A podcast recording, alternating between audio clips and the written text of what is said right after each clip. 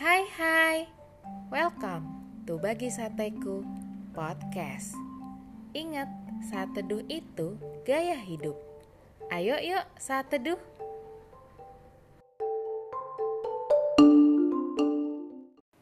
Topik saat teduh kita hari ini adalah pacaran sehat.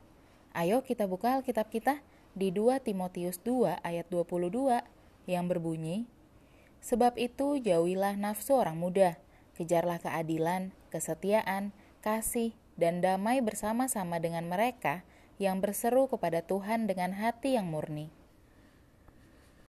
Sahabat sateku, ternyata ya, banyak orang yang belum ngerti pacaran sehat tapi malah main langsung jalanin aja. Ibarat kata nih, kalau kita beli barang baru, kita belum baca manual booknya, eh udah main langsung di utak-atik aja barangnya. Akhirnya error lah, jadi rusak deh. Begitupun halnya dalam pacaran, karena belum ngerti pacaran yang sehat itu seperti apa, eh jadi main langsung gas aja dengan pemikiran kita yang belum tentu benar ini. Ya akibatnya masuk dalam hubungan toksik lah, bahkan ada yang hamil duluan loh. Nah, sebenarnya pacaran yang sehat menurut Alkitab gimana sih? Sebenarnya sih nggak ada pembahasan khusus di Alkitab dalam hal berpacaran tetapi tetap ada acuan-acuan yang menjadi dasar kita dalam berpacaran yang sehat.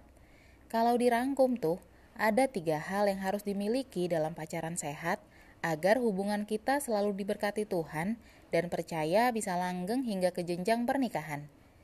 Yang pertama, berlakulah sesuai waktunya. Seringkali kita nggak sadar atau terlena dengan perasaan cinta yang menggebu-gebu, sehingga tidak menempatkan diri di posisi hubungan yang semestinya. Misalnya, masih sebatas pacaran tapi sudah berperilaku layaknya pasangan suami istri. Akibatnya kita jatuh dalam dosa dan terpisah dari Tuhan. Ayat sate kita hari ini mengatakan, jauhilah nafsu orang muda. Jadi ya jangan gara-gara cinta yang menggebu-gebu, jadi terabas sana terabas sini nggak ada pengendalian diri. Makanya, penting buat kita untuk menyadari sebenarnya di tahap mana sih hubungan kita saat ini sama si doi. Apakah masih sebagai teman, sahabat, PDKT-an, pacar, atau sudah jadi suami istri? Ingat ya, semua fase memiliki batasannya masing-masing. Jika pacar, berlakulah seperti pacar. Hormatilah kemurnian pasangan kita, dan jauhilah godaan yang akan membuat kita berdua terjerumus ke dalam dosa. Ingat, dalam pengkhotbah 3 ayat 1 berkata, untuk segala sesuatu ada masanya.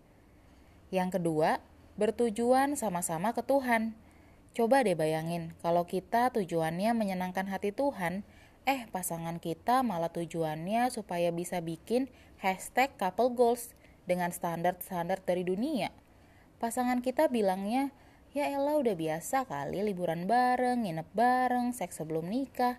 Itu tuh si itu aja juga begitu, gaul dikit lah. Sementara kita bilangnya, Kata firman Tuhan tuh harus menjauhi nafsu orang muda. Berduaan di tempat-tempat sepi harus dihindari. Apalagi seks sebelum nikah, itu mah dosa percabulan namanya. Kalau tujuannya aja udah beda kayak gitu, ya pasti doi nggak akan mau nurutin. Karena tujuannya aja kan udah beda.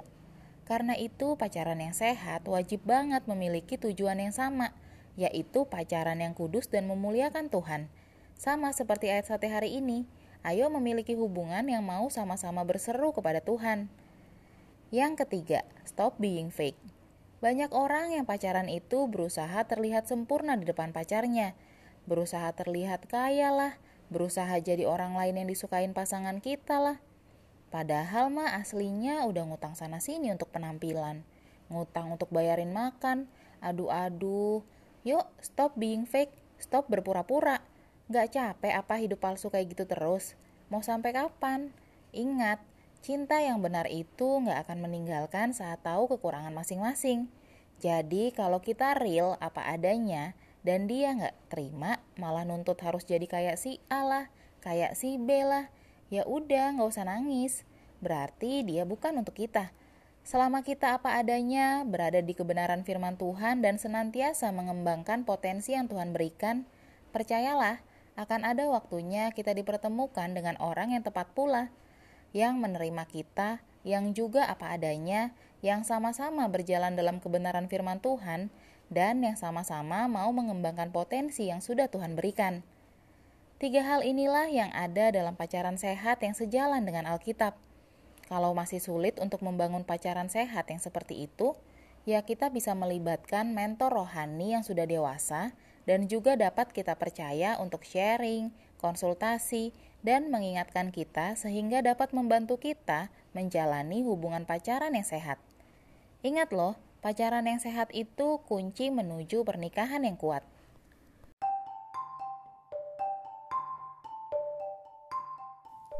Terima kasih ya sudah saat teduh bersama Bagi Sateku Podcast. Tetap semangat saat teduh setiap harinya. Sampai jumpa di saat teduh-saat teduh berikutnya. God bless you.